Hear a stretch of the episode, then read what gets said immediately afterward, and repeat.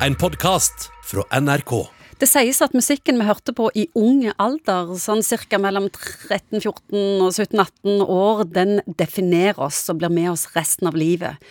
Og hypotesen er at musikken vi hørte på i den perioden av livet, ofte blir knytta til både mennesker, steder og minner som er helt essensielle for oss. Psykolog Egon Hagen, er du enig? Det er jeg helt enig i. Det er nesten litt merkelig å se på hvordan jeg faktisk kan høre på mye av det samme som jeg hørte på om jeg var i tenåra, faktisk. Hva type musikk er det som definerer deg? Ja, Det er ikke sånn gubbemusikk som Pink Floyd og Bob Dylan og liksom de tinga der. Hvorfor er det sånn? Ja, det er et eller annet. altså Jeg tror på en måte det der soundtracket egentlig på denne ungdomstida, altså hvor musikk for mange egentlig var enormt viktig. Fordi at det var en sånn hjelp til å definere deg selv identitetsmessig. Hvem er, Hva gruppe hører du hjemme i? Er du liksom den intellektuelle typen? Er du rockertypen? Er du punkertypen? sant? Og så, og så drar vi med oss dette fordi at det var så avgjørende byggesteiner for hvem vi ble. Hvilke følelser får du når du hører Pink Floyd og alt dette? Ja, ja, men ikke bare Pink Floyd. Det er ikke så gale. Men, men det er et eller annet med Mark Knopfler og Dice Straits. Det går jo aldri ut på dato, syns jeg. Og det er jo selvfølgelig minnebok. Du hensetter deg i en spesiell tilstand og alt dette. Og så er det òg en del forskning, f.eks. sånn FMRI-forskning, som viser at musikk Altså dette sex, drugs og rock'n'roll. Altså de, musikk faktisk affiserer noen sånne dype områder ned i hjernen som er knytta til velbehag og glede og motivasjon. Så det er et sånn nevrobiologisk substrat som det heter på fint, eller grunnlag for at musikken ser ut til å bety så mye for oss. Jeg leste at uh, musikk har like beroligende effekt som medisiner. Ja, for mange så er det det. Vi vet jo det at klassisk musikk og f.eks. Altså små spedbarn kan reagere på musikk uten at de har noen tidligere erfaring for til dette i det hele tatt.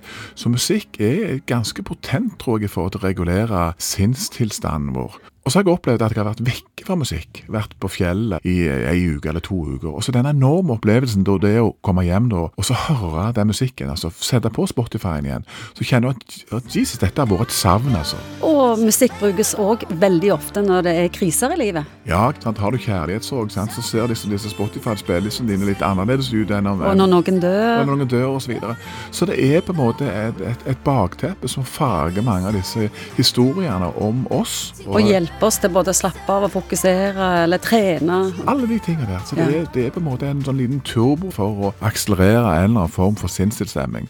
Altså, dette kunne sikkert mange sagt mye visere ting om, men det ser ut som at musikk ikke er trivielt. Det treffer oss på et dypere plan, både for her og nå, samtidig som selvfølgelig det lager en rød tråd i forhold til Ingvild sin historie og Egan sin historie. Hvem vi er, og hvor vi kom fra. Og, og så er det jo selvfølgelig også kult med disse nye teknologiske tingene, at du kan få en algoritme som sier basert på det du liker, så vil du kanskje òg like dette. Jeg syns mange av disse algoritmene er helt fantastiske, for jeg får ting som jeg liker. Som du ikke visste du likte? Som jeg ikke visste jeg likte. Jeg, jeg har snakket med journalister, musikkjournalister, som opplever jo eldre de blir, jo mjukere blir musikksmaken. Ja. Har du kjent på noe lignende? Ja, det kan godt være, faktisk. Men så er det sånn hva, hva situasjonen er. Og Han har to hovedgrupperinger. Det ene er det varme og følsomme, og så det andre har han det bisarre, det der hakkete, utfordrende, nesten ikke-musikalske. Og Litt avhengig av hva humør. Det har jeg merket veldig godt. Hva, livsfase jeg er i, og om jeg er irritert over noe, så velger jeg å høre på et av disse ytterpunktene. Sånn at det, det er ikke bare mykere, men jeg kan også faktisk noen ganger høre på ting som kanskje er mer burlesk og annerledes og hardere, faktisk. Johnny Rotten går aldri helt liksom ut av uh, spillelista hjemme hos meg, iallfall.